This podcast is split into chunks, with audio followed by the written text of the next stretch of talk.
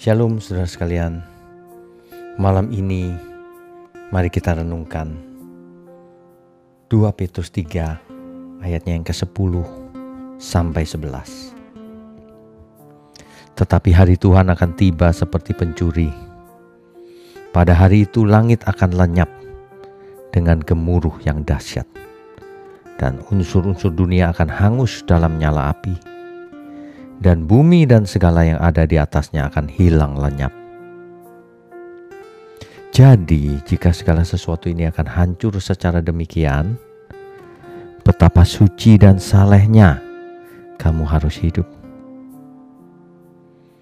Saudara sekalian, suatu hari langit dan bumi yang kita lihat ini akan lenyap, akan hangus dalam nyala api Itulah sebabnya Alkitab, firman kebenaran, mengingatkan kita.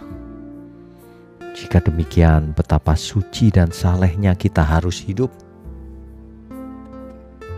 Mari kita renungkan hidup kita sehari-hari. Apakah kita sudah hidup suci, saleh, sesuai firman Tuhan?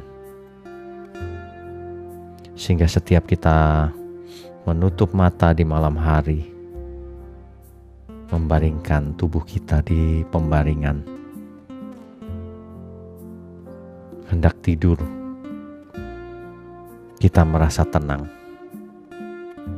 sebab kita sudah berusaha hidup suci dan saleh. Tapi kita harus hidup dalam ketakutan kalau kita tidak hidup dalam kesucian dan kesalehan sebab kita ada dalam bahaya. Kalau Tuhan tidak berkenan, maka hidup kita dalam bahaya. Tetapi kalau Tuhan berkenan atas hidup kita, mati pun itu keuntungan bagi kita. Mari kita renungkan kebenaran ini. Mari kita bertobat jika ada dalam hidup kita yang belum berkenan bagi Tuhan, belum suci. Mari kita belajar hidup suci, hidup saleh, segala sesuatu untuk Tuhan. Mari kita berdoa Bapak Ibu sebelum kita tidur.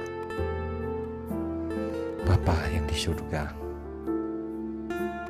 yang kami kenal di dalam Tuhan Yesus, yang saat ini menyertai kami melalui Roh Kudus. Sebelum kami menutup mata, kami mohon ampun kalau ada hidup kami yang belum berkenan, yang belum hidup kudus. Tapi kami mengucap syukur kalau kami diberi kesempatan untuk mendengar firman ini malam ini. Sebelum kami tidur, terima kasih Bapak, terima kasih Tuhan Yesus. Roh Kudus pimpin kami dalam seluruh kebenaran. Kami mau belajar. Hanya di dalam nama Tuhan Yesus kami berdoa dan mengucap syukur. Amin. Amin.